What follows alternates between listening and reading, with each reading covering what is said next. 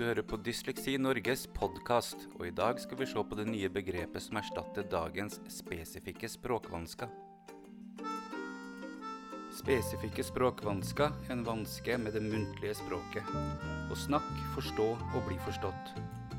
Ca. 7% av befolkningen har spesifikke språkvansker, som er medfødt, arvelig og livsvarig. Nå i oktober 2021 ble resultatet av en norsk katalysestudie publisert. Et prosjekt for felles forståelse og begrepsbruk om språkvansker hos barn og unge i Norge. Vi tok et prat med Rita Li, spesialpedagogisk rådgiver og fagleder i Dysleksi Norge, og Guro Bergseth, daglig leder i GKB Foreldrehjelpen, som er utdanna spesialpedagog med lang erfaring fra både barnehage, skole og PPT. Hva går det her egentlig ut på? Ja, hva går det her ut på, Guro? Ja, det er jo da DLD. Mm. Det er det det er. Eh, og skal vi si hva det går ut på, så syns jeg vi skulle begynne å si noe om DLD-dagen, som var nå sist fredag. 15. 15. oktober. Ja. Ja. Eh, fordi i år var det jo litt spesielt her i Norge, da. ja. Fordi eh, vi har jo kalt det for spesifikke språkvansker, SSV. Eh, men så har vi hatt en studie gående. En eh, katalysestudie. Catalyze, som de sier i det store utland. ja. Eh, og for å bli enige om et nytt navn, eller nye termer og begreper rundt denne vansken. Og det ble da publisert sist fredag. ja. Det var en stor markering egentlig av den dagen, da. Som eh, vi i Dysleksi Norge også markerte den dagen, at eh, nå kom det nye begrepet. For dette har vi jo venta veldig spent på. I både fagmiljø, foreldre, de som selv har denne type vansker, har jo venta hva blir det? For eh, i England så hadde de landa det for en stund tilbake, ikke sant? Ja. Og nå heter det i Norge, Guro Nå heter det utviklingsmessig språkforstyrrelse. Men forkortelsen er DLD, Ja, som den òg er i engelsktalende land. Og Ja, det er litt rart. er rart kanskje, men bra på den måten at da har vi en felles, et felles navn. Ja. Så når vi hører DLD, så vet vi det, selv om vi er i, kanskje ikke i Kina, da, jeg vet ikke hva de kaller det der, men, men i hvert fall i de fleste engelsktalende land, ja. Ja. Så, og det syns jeg er viktig. Men hva står DLD for, da? Eh, development Developmental. language disorder. Ja. Jeg blir litt tatt på at jeg sier det feil, da. Så hvis jeg sa det nå feil, så veit jeg det. Ja, jeg tror Ja. du sa det riktig. Jeg tror jeg fikk litt problemer i begynnelsen. For jeg det går fint. Den første der har vært Ja. vanskelig. Ja. Men det blei nå markert på fredag, ikke sant? At uh, nå er det nye Altså fått et ny, nytt navn, rett og slett. da. Og vi har jo vært vant til spesifikke språkvansker så lenge, så dette her er litt uvant. ja samtidig som vi har visst en stund Ja. at, eh, at det ble noe annet, og har venta på dette. Ja. Så kan du si at selve vansken er jo ganske lik. Eller altså, problemet er jo det samme. ja. Vi har ikke liksom fått en helt ny uh, vanske. Nei. Uh, men det er et par forskjeller. Ja. Når vi snakket om spesifikke språkvansker, så snakket vi om tre grupper. Ja. Uh, nå snakker de ikke om grupper, de grupperer det ikke, men de sier noe om hva mennesker med DLD, eller utviklingsmessig språkforstyrrelse, strever med. ja. For det var jo litt mer vanlig før, når vi kalte det SSV, var å dele inn i impressive eller, eh, og ekspressive. Og den tredje var Fonologiske. Fonologiske. Ja. Ja. Og så var det jo ofte som vi så på når de barn eller ungdom ble utrydda, at de kunne få en blanding, da selvfølgelig. Men de delte det mer opp i ulike kategorier, var Delte de, det. Ja. delte de i grupper hvor den ene var e- ekspressive, Ja. den andre var ekspressive og, Og impressive, stemmer. Ja. Ja. Og så var det da fonologiske. Ja. Det som har skjedd nå, det er at de sier at de som har DLD, de har vansker med å uttrykke seg. Ja. Og det er da både skriftlig og muntlig. ja. Og det er jo ekspressive vansker. Helt klart. Men det er ikke en gruppe for seg selv. De Nei. sier at de har det. Pluss at de sier at de aller fleste har òg vansker med å forstå Mm. det de leser, eller hører. Ja, og det var Altså, inklusive. Mm, Stemmer. ikke sant. Og så eh, sier de noe om fonologiske vansker, for det kan en òg ha. Og det har mange. Vansker med lydene. Men fonologiske vansker alene kalles ikke DLD. Nei, for det er vel kanskje det som har endra seg litt Uh, Det er Ja. en av de tingene som endra seg. Det var en egen gruppe under spesifikke språkvansker. før. Men det var den uh, gruppen som hadde best prognose. Ja. For det en sier at de aller fleste, ved hjelp av logoped, uh, så faller lydene på plass i, ja, i alle fall i løpet av de første skoleårene. Så, og det er vi jo klar over ennå, og derfor mener de at på en måte dette er en eh, rene fonologiske vansker. Hvis det bare det er ikke noe annet, så vil det gå over. Men så er en òg veldig klar på eh, Fortsetter det utover fire-femårsalderen, så må du inn og kartlegge bredere. Ja. For da er det antagelig andre vansker òg. Ja, for det er litt viktig å huske på at det kan være et uh, ganske vanlig kjennetegn for barn Mm. som har DLD, at eh, de strever med fonologien. Absolutt. Eller har fonologiske absolutt. vansker, ikke sant? Men Ja. de har òg andre ting. Andre, ja. Men uh, jeg bare tenker det er fint å ha med det der at uh, the hidden problem, når vi snakker om forskjellene her. Uh, og det er ikke noe forskjell. Eh, for det var vi opptatt av eh, under SSV, og det er vi opptatt av enda, Guro, i forhold til DLD. At eh, denne type vansker med språk er ganske usynlig. Ja. Fordi de fonologiske vanskene er jo det, liksom det klare kjennetegnet vi kan se på barn fra barnehagen av. Kan i hvert fall høre det. Eller høre det. Det er veldig vanskelig å se det, Guro. Bra du sa det. Men de andre vanskene, det å ikke forstå språk, eh, er jo liksom litt skjult. Kan være. Som regel er det kjempeskjult. Ja, ja der fikk du forsterka det. Bra. Og det er mye fordi at disse ungene, de Mm. er eh, litt smarte. Eh, kanskje litt for smarte til sitt eget beste. Ja. Sånn at de ser, eller merker sjøl, veldig tidlig at det er et eller annet som de ikke kan, som andre kan.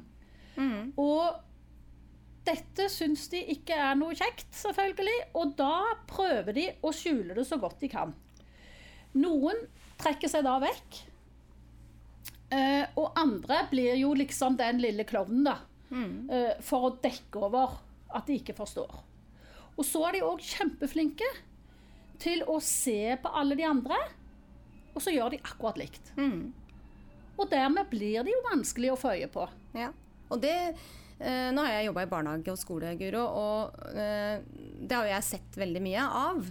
Men når du og jeg lagde et eh, nettkurs for mange år siden eh, for ansatte i barnehagen, så hørte vi akkurat det her eh, flere ganger. Var det de tilbakemeldingene vi fikk? At eh, de hadde et barn som de bekymra seg over. Men det var jo atferden vi fikk høre om. Ja. Det, det ser ut som, eller føles som, at eh, han eller hun ikke hører etter, eller ikke vil høre etter. Du husker, det var jo en veldig vanlig betegnelse. Og det tenker jeg er et ganske greit kjennetegn.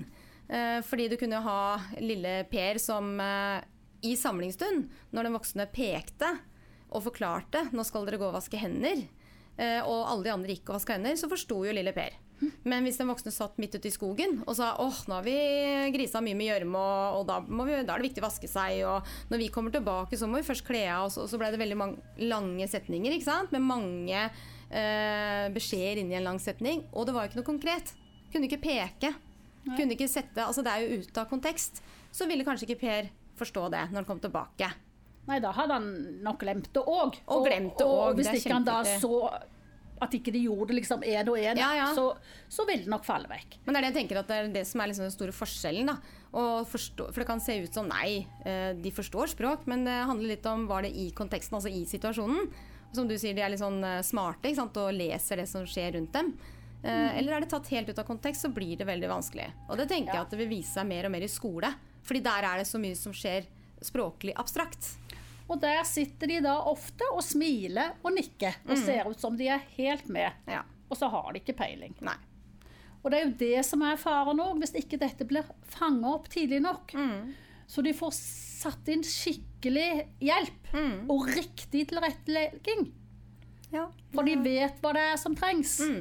Så møter jo de på skolen med et ordforråd som er minimalt i forhold til det de skal ha. 10 000-15 000 ord, er det ikke det? Eller 10 000-12 000 ord Jo. skal de ha når de begynner på skolen, hvis de skal klare å følge med. Og en sier jo sånn litt sånn øh, øh, Ja, en sier at det fra et barn er halvannet til de er seks år. Det er ordsamlerstadiet. Ja. Da lærer det vanlige barnet ca. ni nye ord per dag. Mens de som da har DLD, eller SSV som vi sa før, de er heldige hvis de lærer ni nye ord i løpet av et halvt år. Så det er en stor, stor forskjell. Da er det en stor Ja. forskjell. Og da forskjell. trenger en ikke være mattegeni for å finne Nei. ut at når de begynner på skolen, hvis de ikke har fått ekstra trening og ekstra hjelp, Mm. så vil de falle ut allerede første dag og første time, tenker jeg. Så, men eh, litt tilbake til det vi begynte med, da, så er det ikke sånne store forskjeller fra SSV til DLD Nei. nå. Nei. Nei. Eh, Det er den fonologiske biten, egentlig, som er Den retta litt opp i. fonologiske biten, Ja. og så er det en stor forskjell kanskje i kriteriene. For det, eh, eller i ett kriterium, Mhm. egentlig. For det var jo òg før, eh, og som var egentlig problemet, og som Mhm. gjorde at en kanskje starta den Da får vi si 'Catalyze', da, når den ble starta i Storbritannia. For Ja. da het den vel det, kanskje. Det gjorde den nok. Ja. Og eh, det var jo at eh, det varierte fra hvor du ble utreda, og hvilk, altså, hva, de, hva det ble kalt. Noen fikk spesifikke språkvansker, noen fikk noe annet. Og du kunne på en måte si nesten 'du er blitt utreda der', og 'du er blitt utreda der'. For de hadde forskjellige kriterier. Og, de, og det var mange forskjellige navn. Det var ikke bare spesifikke språkvansker. Men det ble jo òg kalt eksplosive vansker Ja, og impressive vansker. De det og, og dette var jo vanskelig å forholde seg til. Mm. Eh, både i forskning og i praksis, egentlig. Så, eh, og den, den Det sterkeste kriteriet, kan du si det, eller det som liksom veide tyngst, på en måte, det var at du skulle ha en viss diskrepans eller forskjell mellom nonverbal og verbal utføring på, på tester. Og det eh, Jeg har jo syntes det har vært merkelig alltid. Fordi mangler du språk eh, Ja, eh, hva er det du bruker for å tenke? Må du ikke ha språk da? Og det er jo på en måte noe altså nonverbalt, Skal du løse noe nonverbalt, så må du jo tenke litt, tenker jeg. Da syns jeg det er veldig rart at du har et veldig lite ordforråd verbalt, men du skal ha helt liksom på aldersadekvat på nonverbalt. Det henger ikke på greip. Det det henger ikke på greip. Og dermed så har de jo nå funnet ut det. De har blitt enige med meg. Ja, si. det var veldig bra, Guro. Ja? Ja. Så nå heter det det at uh, du kan ha et lavt Altså du kan score lavt på non- nonverbale tester òg, men det er likevel DLD. Mm. Men så er det da viktig altså du skal ikke under. Du skal ikke ha noen biomedisinsk tilstand Nei, som gjør at du har språkvansker. For det også er litt viktig å skille på. Fordi Ja. eh, barn med autisme for eksempel, eller Downs syndrom, de vil jo streve med språk eh, samtidig. Så da vil jo de ha, ha autisme, men eh, ha språkvansker ved siden av. Ja. Ja, så det er jo det biomedisinske forskjellen Ja. skal være. Og da heter det vel nå da eh, autisme med utviklingsmessig språk. eller- Eller med ja. språkvanske. Ja, eller utviklingsmessig- Forstyrrelse. Ja, Unnskyld. forstyrrelse. Ja, nå Språkforstyrrelse. Nå må vi holde Ja. tunga bedt Ja, det er ikke så lett. Nei. Det er jo ikke Ja. Men eh, fordi, Og det er jo den forskjellen som er litt viktig å være klar over. Mm. eh, Som kommer under kartleggingen og utredningen, rett og slett. Men øh, noe annet som jeg tenker at det er fint at vi er innom, Bare er jo det med øh, å finne de barna her tidlig. da. Og Nylig så hadde Dysleksi Norge ute en, eh, en undersøkelse som har munna ut i en rapport eh, som sier noe om eh, de som har vært involvert her, hvor tidlig de blir utreda. Og det er jo ingen overraskelse at det kommer for seint. Veldig mange blir jo ikke utreda før ungdomsskole eller senere. Så, og derfor så er jo det viktig å få dette fokuset veldig ut nå. Og det er, og det er kjempeviktig det Katalyse Norge nå har gjort. Så kanskje det er lettere at ikke barn faller utenfor, da, eller ikke blir utreda og får diagnosen satt. For det er klart vi vet at etter en diagnose er satt, så kan det komme litt mer spissa tiltak på akkurat hva du strever med innenfor språkvansken din. For det er jo forskjellig. Det er helt For disse barna er like forskjellige som alle andre barn. Det er de. Ja. Og det er òg viktig å huske. Og så vil jeg gjerne legge til når du sier at de blir utreda sent, kartlagt og utreda sent, og så skal vi òg vite at det er ganske mange rundt forbi dette land som sitter og er voksne, og som aldri er blitt utreda. Og det er jo arvelig. Det er det. Ja. Det vet vi. Vi vet veldig lite om hva det skyldes, men vi vet at det er en, en arvelig faktor inni Ja. her. For vi ser at det går igjen i familier. Ja. At de har eh, DLD, eh, språkvansker eller dysleksi. Dysleksi, ja. Mm. Og det er òg kanskje at, eh, at de kan ha sameksisterende vansker. Det det har de. Ja, Mm, og da riktig. gjerne ADHD og dysleksi er vanlige der. Veldig vanlig. Men de trenger ikke ha det. Nei, Altså, det er trenger ikke, men det er veldig vanlig. Ja. Og det de... kan være viktig å vite Mm. at har du et barn, hvis du er lærer, har et barn på skolen med dysleksi eller ADHD, så sjekk språket litt, Ja. om det kan være noe der òg. Eh, og det tror jeg handler mye om en misforståelse i forhold til hva egentlig språkkartlegging er i en barnehage. Eh, språkkartlegging i barnehagen skal jo være mer systematisk observasjon av den naturlige språkutviklingen. Hvor er barnet når det er to år? Er det innenfor der det bør være? Og så finnes det jo forskjeller. Men hvis det samme barnet viser at eh, det ikke følger helt en god utvikling ved treårsalder, fireårsalder, så må man jo være tidlig på. Stimulere språket nøye. Så dette skjer eh, når man Nei, når man observerer systematisk. Men når de da sier eh, nå, eh, den nye regjeringa, at de skal fjerne dette her, så er jo vi redde for at flere barn vil eh, rammes av dette er the hidden problem. For man kan ikke se en språkvanske. Det kan man jo ikke, Guro. Nei, men må, man må observere Ja. systematisk. Ja, og sette inn tiltak deretter. Ja. Men jeg tror at når vi eh, kaller det kartlegging, så tror jeg at mange tenker at ja, da screener og tester vi barn. For det er jo det man hører mye om i skolen, men det er jo ikke det. Tilbake til det jeg sa, det handler om en systematisk observasjon. Og kjenne godt til en eh, vanlig språkutvikling, hvordan den skal være. Og se da hvor barn eh, ikke følger den. Og sette da deretter inn tiltak. Så dette er kjempeviktig. Det er veldig viktig, for vi vet jo hva som skjer hvis ikke Ja. de får skikkelig hjelp. Og det er det jo mange som eh, forteller om hvordan det var å vokse opp uten å vite hva, hva er det som gjør at jeg ikke forstår eller oppfatter alle felles beskjeder som blir gitt i en, en skolehverdag. Og for hvordan er det liksom å leve med DLD, om det så er diagnosert eller ikke. da. Det er jo verre selvfølgelig hvis man ikke vet hvorfor man strever som man gjør. Derfor er det så viktig å finne de. Men hvordan er det å leve med en DLD-diagnose, Guro? Ja, det kan jo bli veldig ensomt. Og hvis jeg prøver å lage et bilde av det, da, at jeg setter deg på et fly og sender deg til Nederland, eh, og så blir du bare sendt ut der. Du vet ikke hva du skal. Jeg har kanskje forklart det, men du har glemt det. ikke sant? Eh, men nå eh, har ikke du språkvansker, så du får bare ikke vite noen ting, og så må du gå av det flyet. Ja. Og så skal du være der en helg. Og så skal du da finne ut hvor du skal bo, hva du skal gjøre. Og så skal du snakke med noen. Der kan de ikke engelsk. Jeg går ut ifra at du ikke kan nederlandsk. Nei, kan ikke det. Og så kan du da se for deg hvordan det blir. Jeg vil tenke at det er ganske frustrerende. Frustrerende, og kanskje du blir redd til og med. Ja, det ville du, blitt. du vet ikke hvor du skal hva du skal gjøre i det hele tatt. Og du blir sikkert fryktelig sliten etter hvert, da, når ikke du klarer å finne ut av noe. Ja. Og sånn kan vel kanskje hverdagen virke eh, for en elev f.eks. med DLD. Mm, det er helt sant. Det er egentlig et veldig godt bilde på det, Guro. Det vil være veldig liksom opp, eller frustrerende. Man kan bli engstelig eller redd, som du sa. Ja, Man blir veldig sliten. blir sliten. Og det, det vet vi jo. Ja. At de blir veldig slitne av å sitte og prøve å følge med, prøve å forstå.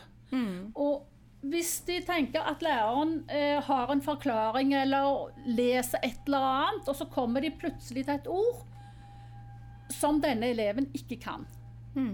Og da er det jo helt naturlig for oss alle å sitte og tenke litt Hva betyr det egentlig? Mm, hva betyr nå det? Og så blir de sittende og tenke på det ordet, da. Og kanskje de finner ut av det, kanskje de ikke gjør det engang. Og så skal de prøve å hoppe innpå igjen. Da har det gått flere minutter. Da klarer de jo ikke å komme innpå i det som skjer igjen. Nei. Da har de liksom mista den. Og vi vet òg at eh, mange går og legger seg når de kommer hjem fra skolen og sover i et par timer. Ja. Og da går de jo glipp av en del sosiale ting òg. Men det jeg tenker det også, det du er inne på nå, når de sitter i skolen og, og tenker på dette ordet og eller sånn, det du beskrev nå, da, så kan det jo virke som at de ikke har oppmerksomhet. ikke sant? Det kan virke som at de ikke følger med. Og, for det krever mye eh, å sitte der og ikke forstå dette språket. Og da er det det kanskje læreren ser, at eh, ja, men den følger jo ikke med. Har jo ikke oppmerksomhet. Men den vil jo også være naturligvis litt kanskje dårligere. Uh, Guro, tror du ikke det? Jo, det, det, det er jo det som ofte skjer, at de blir misforstått. Ja. Sant? De er late, eller de er uoppmerksomme. Og det gjør, jo, gjør det jo ikke bedre. For Nei. de vet jo at de, vi gjør jo vårt beste, men vi får det jo ikke til. Nei. Og jeg har jo snakket med uh, voksne som har DLD, og kan beskrive f.eks. at uh, på barneskolen så var det så krevende å sitte i timen og bruke energien på alt som skal avkodes av språk. For språk er jo så mangt, som vi har nevnt før i dag. Eh, Så når friminuttet kom, som de aller fleste elevene gleder seg til, for å løpe ut og være sammen med vennene, så orket ikke eh, man bestandig å være med ut i friminuttet og være sosial. For var så, da var det så utmattende. Eller det var et sterkt ord kanskje, men man var veldig sliten av det som hadde skjedd i timen. Så man isolerte seg sjøl og gikk alene. Og det tenker jeg det er viktig å vite at det er jo greit, men det skal ikke være noe hvilepute for noen lærere eller voksne at ja ja, du har jo vansker med språk, så du går alene. For det er jeg litt redd for, da. At vi kan uh, si at det er en hvilepute, da. Nei, si at det er greit. Ja. Men, uh, men jeg skjønner jo at uh, det kan skje. Og det du nevner, da, at når du kommer fra skolen og er såpass sliten av hele skolehverdagen, og så blir du isolert fra det sosiale som skjer etterpå, det er jo ikke noe bra. Nei. I det hele tatt. Det jo Og så vet vi jo òg at, at hvis en tilrettelegger på skolen Hvis en f.eks. Det har vi jo sett at eh, multiple choice-prøver eller flervalgsprøver, der scorer de ofte veldig høyt. Fordi eh, når de da har flere svar å velge mellom, så vil du ofte sette i gang eh, hjernevinningen, holdt jeg på å si, og huske eh, det du har lest, eller det du på en måte skulle ha lært. Og så klarer du å, å da velge det riktige svaret.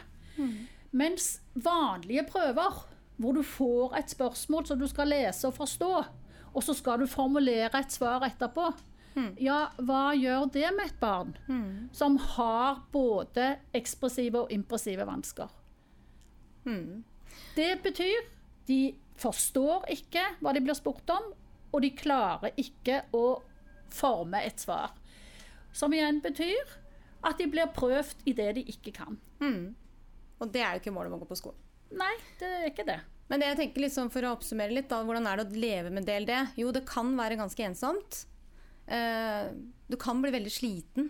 Eh, foreldre vil kanskje kjenne igjen det, at barna deres er- kan være slitne. Eh, du kan være uoppmerksom. Det kan være vanskelig sant, å sitte og holde fokus på noe som er vanskelig over tid. Eh, det kan være at du er engstelig. At du gruer deg til ting fordi du faktisk, som du beskrev det fra Nederland Jeg ville grua meg masse sant? hvis jeg skulle bli sendt et sted jeg ikke visste noen ting om på forhånd. Fordi vi liker å ha en plan. Alle liker å ha en plan, men hvis du ikke har blitt gitt den planen, så vil du være ganske Ja, jeg ville blitt engstelig. Og bekymra meg mye om hva som skal skje etterpå. Jeg ville blitt overraska når noen gjorde noe rundt meg. fordi at, eh, eller Hvis elevene plutselig reiste seg opp og gikk ut, så ville jeg misforstått. kanskje, Hvorfor gikk alle? Eller hvis jeg kom til Nederland og alle løp et sted, hvor skal jeg løpe hen? Du ville blitt veldig forvirra. Så jeg tenker at det kan jo være mange ulike beskrivelser Guro, på hvordan det er å leve med det. Mm. men er det mulig å leve med det, eller det og ha et godt liv, da? Ja, det kommer jo an på, da. Når du Eller kom ikke an på, men det viktige her er jo igjen, som vi har sagt, eh, kunnskap rundt. Men òg at tiltakene blir satt inn tidlig, og med riktige skreddersydde tiltak og hjelp eh, fra tidlig alder og opp i hele skolealder, så ja, da kommer de seg gjennom skolen, og de får et godt liv. Mm, så det vi trenger er eh, kunnskap inn til Hva gjentar jeg, Guro? For Ja. det er så viktig. Inn Ja. til lærerutdanningene. Ja. Inn til barnehagelærerutdanningene. Ikke sant? Og samfunnet for øvrig. Og samfunnet for øvrig. For det er mange andre som skal også møte våre barn og unge som kan eh, streve med utviklingsmessig språkforstyrrelse. Men vi trenger også forståelse. At Ja. de føler og opplever seg forstått. Vi trenger eh, at de blir diagnosert, så at man kan sette inn det du Altså spissa tiltak, ikke sant? Så de får eh, skreddersydde, som du sa. Mm. men alt dette her trengs jo også åpenhet rundt. Ja, det, det tror jeg er kjempeviktig. At en forteller om hva er det. Altså, jeg har det og det, og derfor er det sånn og sånn og sånn og sånn. Og det er jo på en måte en del av kunnskapen. Men den skal ikke bare til lærerne eller de voksne. Den bør òg deles med barn. Og der tror jeg vi må være flinkere helt fra starten i barnehagen. At vi, vi vet jo at vi alle er forskjellige. Og det må liksom inn helt fra begynnelsen av. Så det blir en helt naturlig ting. Jeg er helt enig. Og vi er for lite åpne, mener jeg. Eh, Etter å ha jobba i barnehage og skole i flere år, så ser jeg det at vi er litt redde for denne åpenheten. For vi er redd for at det skal Både kanskje vi lærere, men også da eh, foreldre og barna sjøl òg, fordi vi er redde for hva vil det føre til. Men når vi begynner tidlig å være åpne, snakke om det på foreldremøter, snakke om det i barnegruppa, eh, så vil ikke den åpenheten føre til eh, noe negativt, mener jeg. Det er jeg helt sikker på. Ja. Men da vil åpenheten føre til en økt forståelse, og det er det vi ønsker. Takk for at du hørte på Dysleksi Norges podkast. Neste episode er tilbake 8.12., og der skal vi få høre historien til dyslektiker Magnus Reika.